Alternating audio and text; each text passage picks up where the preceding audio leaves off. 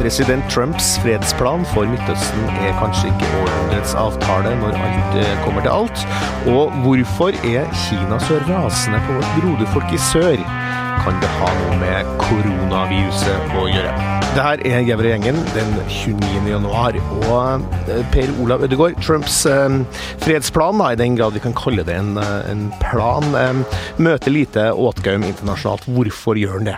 Fordi det er en plan som er blitt til eh, med bare medvirkning fra den ene siden. Altså Benjamin Netanyahus regjering i Israel har jo da i høyeste grad vært med på å lage denne planen, og egentlig har Netanyahu fått alt det han ønsket seg i den.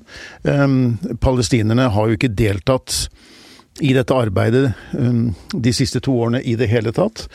Uh, og um, uh, ser jo hva resultatet er. Det er en uh, plan som kun gir, eller nesten utelukkende gir fordeler for den nåværende israelske regjeringen.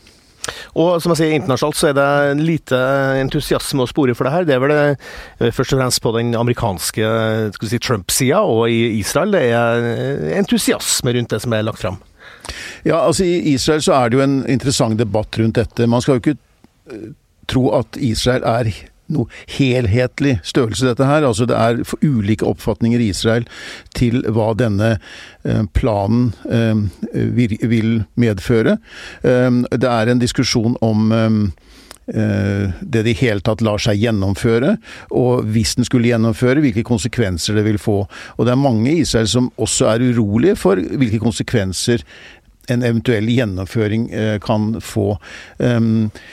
Det er jo Hvilke, Hvorfor det? Hva er det som er eh, konsekvensene internt? Fordi, konsekven, altså, fordi, veldig få tror at denne planen lar seg gjennomføre i praksis. Så kan resultatet bli at tostatsløsningen ikke eh, eller er helt umulig, at det vil være en enstatsløsning. Og i en enstatsløsning så vil også være et alvorlig problem for Israel, for da vil altså eh, palestinerne og, og, muslimer være i flertall i en befolkning, eh, i den store befolkningen vest for Jordanelven, mellom Jordan og, og Middelhavet. Eh, en, eh, hvis du skulle ha en enstatsløsning hvor alle skulle ha like rettigheter, så vil jødene i Israel komme i et mindretall etter hvert.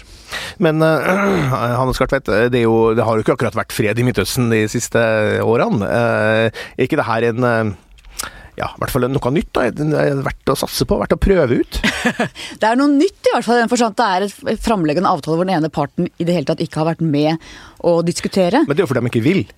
Ja, og det, er, det, er, mange problemer her. Et av problemene er på begge sider. Både på israelsk og palestinsk side så har et lederskap som er helt uh, ute av stand til å inngå avtaler. På palestinsk side mangler det jo fullstendig legitimitet blant sine egne folk. Det har ikke vært valg der på svært lang tid. Mm, det er delt i to i tillegg mellom Ja, delt i to, ikke sant. Ja. Uh, og Per Olav snakker om Israel hvor man er uenig. Israel er det eneste, i hvert fall et av ytterst få land i denne regionen hvor det faktisk er åpne diskusjoner, fri presse, hvor vi ser at det er reelle uenigheter. Og og diskusjoner. Og så må vi huske at Israel det er, de få, det er, tre ting de ønsker seg. De kan ikke få både eh, et demokrati, en jødisk stat og de grensene de ønsker. De må velge to av tre. Og en tostatsløsning er jo den eneste reelle løsningen hvor de både kan bevare sin jødiske stat og et demokrati. Men da må de også gi palestinerne den staten de eh, men, har rett på. Men Trump vil jo ha en tostatsløsning, han sier jo, men det er litt uklart hvor i Palestina han faktisk da ender opp, eller hva de ender opp med? Ja, det er til og med lagt fram et eh, ganske detaljert kart, um, hvor Israel overtar kontrollen over um, Jordandalen, og altså da grensen mot Jordan, uh, hvor um, Israel får beholde alle sine bosettinger på Eh, Vestbredden, men noen av de blir da liggende inne som enklaver da, i det som kanskje kan bli en palestinsk eh, ministat i framtiden. Um, det er mange forbehold knyttet til dette med en palestinsk stat. Jeg tror at det som dette i stor grad Eller det som på kort sikt er, et, er en, en, litt viktig å følge med på her, er hvorvidt den israelske regjeringen nå vil bruke dette Eh, til å annektere disse områdene som det er snakk om her, altså disse bosetningene. Det er omtrent en tredjedel av Vestbredden. Eh, vil denne regjeringen som nå sitter, ledet av Netanyahu, foreta en sånn anneksjon eh, på bakgrunn av denne planen. Det kan skje allerede i løpet av få dager. Samtidig er Israel De skal ut i valg 2. mars. Igjen.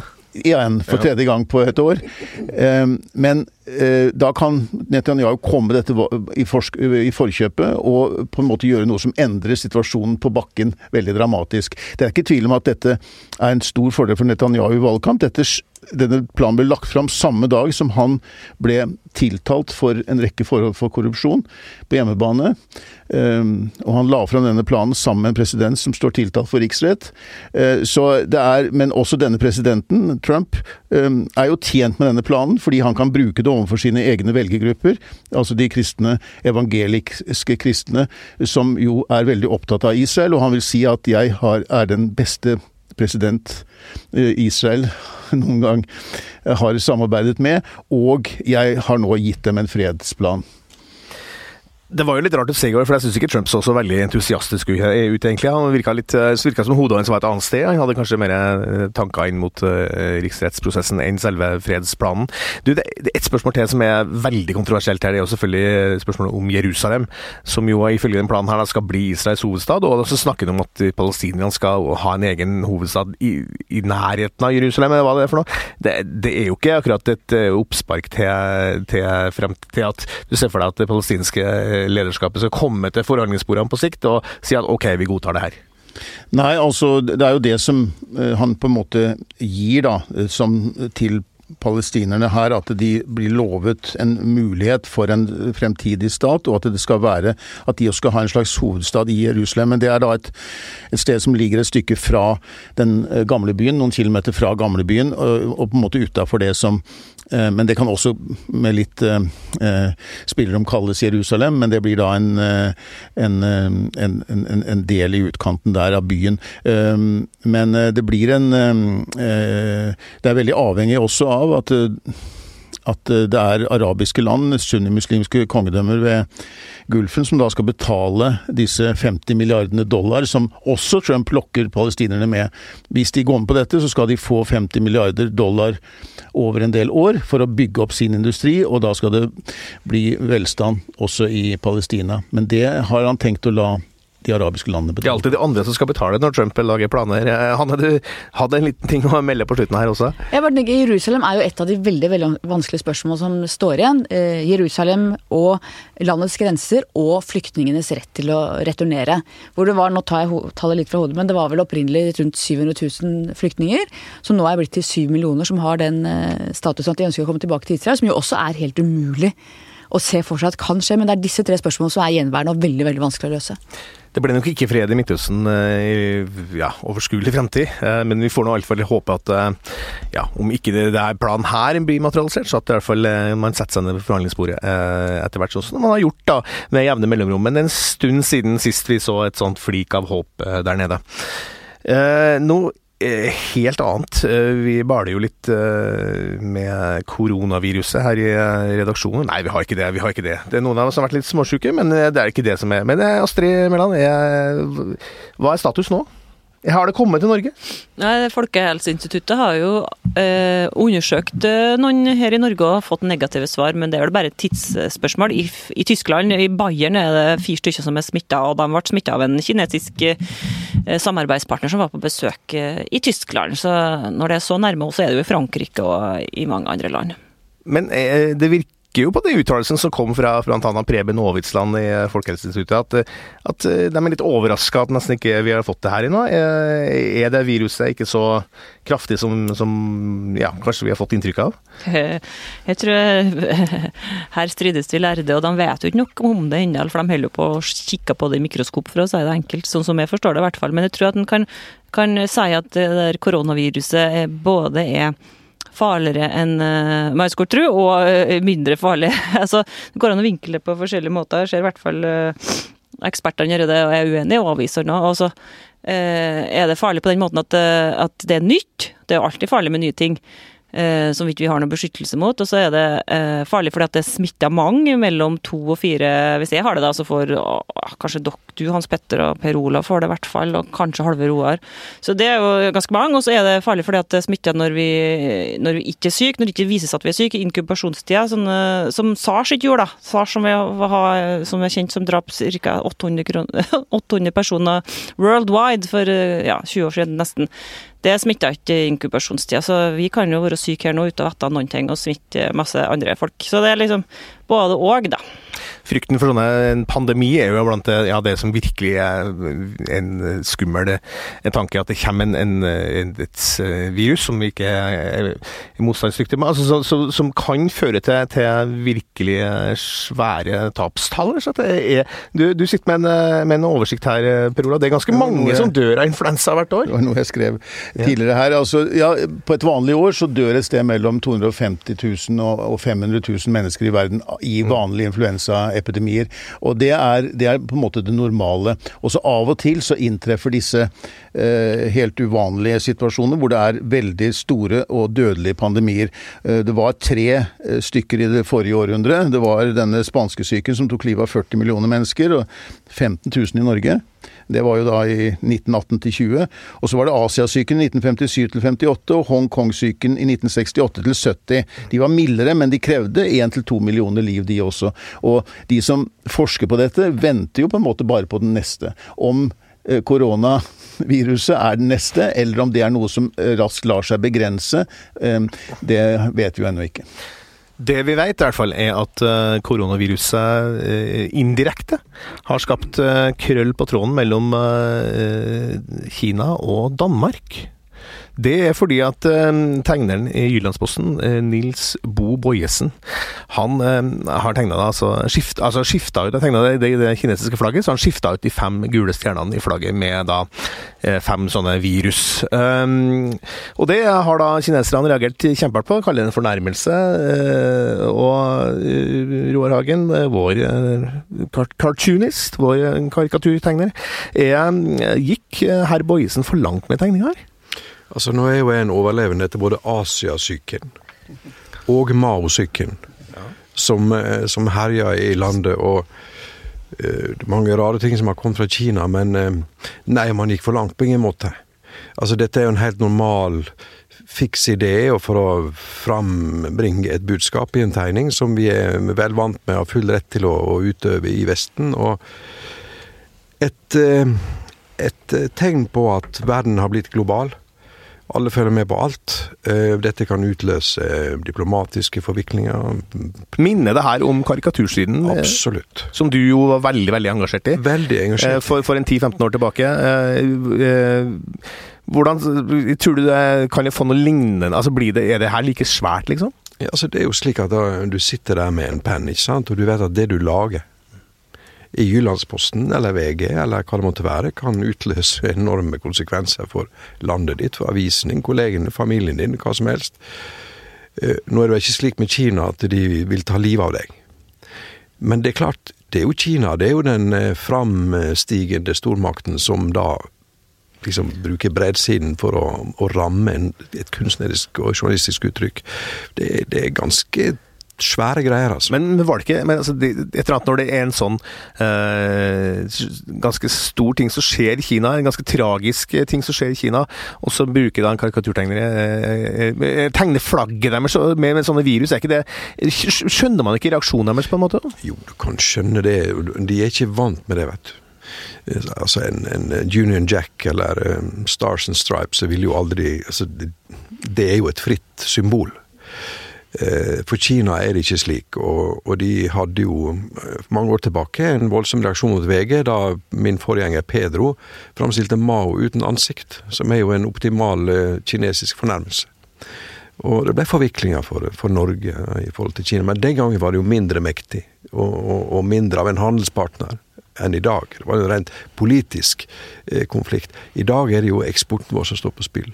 Hva syns du om kinesiske reaksjonen på den tegninga, Hanne? Ja, Det kan du tenke deg. Jeg syns jo det er eh, både forventa, for det er en stormakt som eh, er opptatt av ære og som tar stadig mer plass, men også helt sjokkerende at man reagerer sånn på en avistegning. Det syns jeg er eh, Men det forteller noe om hva vi står overfor, for Kina blir jo større og mektigere for hver dag. Vår egen regjering har jo lagt seg langflate for dem.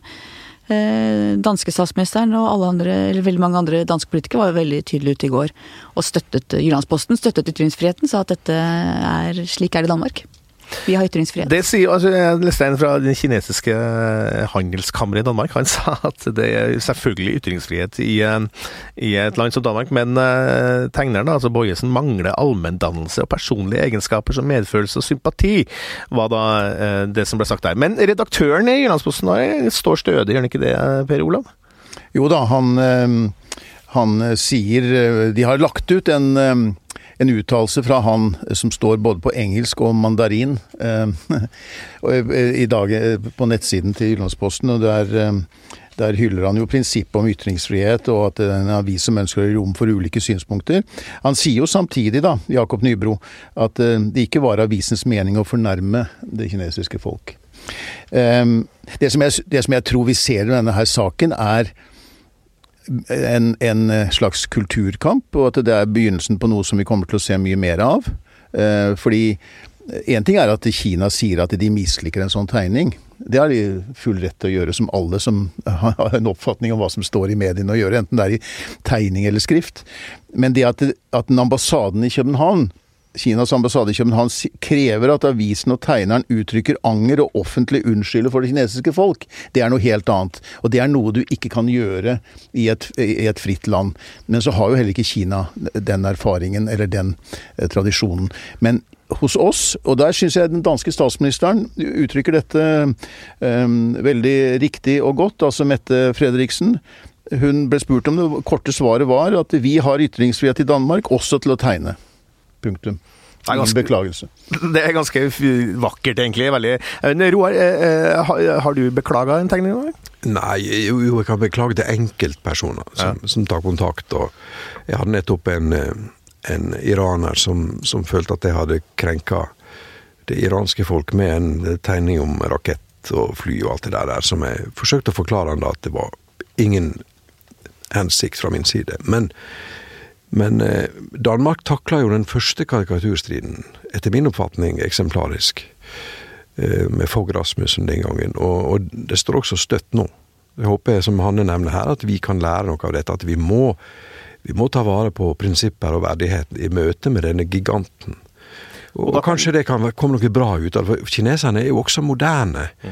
Og vil jo gjerne være moderne. Og kanskje vi kan uh, heise vimpelen her og si at dette er en del av moderniteten. Så vær så god og føl lett. Ja, vi, vi ikke, kan jo ikke akkurat skryte på oss at eh, Norge har alltid stått støtt i møte med eh, Kine, press fra Kina, Hannes Kartveit. Ville, om den saken har skjedd i Norge, ville statsminister Erna Solberg ha formulert seg likt som Mette Fredriksen, eller ville ha prøvd å knadde til litt? Nå ble jeg stille.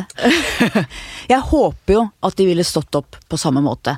Eh, og jeg tror mange lærte mye av karikaturstriden, hvor norske myndigheter slett ikke sto opp for ytringsfriheten den gangen. Samtidig har jo Norge inngått en avtale for å komme ut av fryseboksen etter nobelprisen i sin tid, som eh, tilsier at vi skal ikke kritisere Kina. Vi skal på en måte respektere, ære Jeg husker ikke alle formuleringer som er det, men det er, vi har inngått en avtale som virkelig er veldig kritikkverdig. Så i hvilken grad de hadde våga å stå opp, jeg håper, men jeg er ikke sikker. Men som politisk redaktør hadde det i hvert fall vært veldig tydelig hvis Roar hvis kom kom fått offisiell klage fra Kina på Roars eh, tegning. Da hadde det vært no excuses herfra, er du gæren.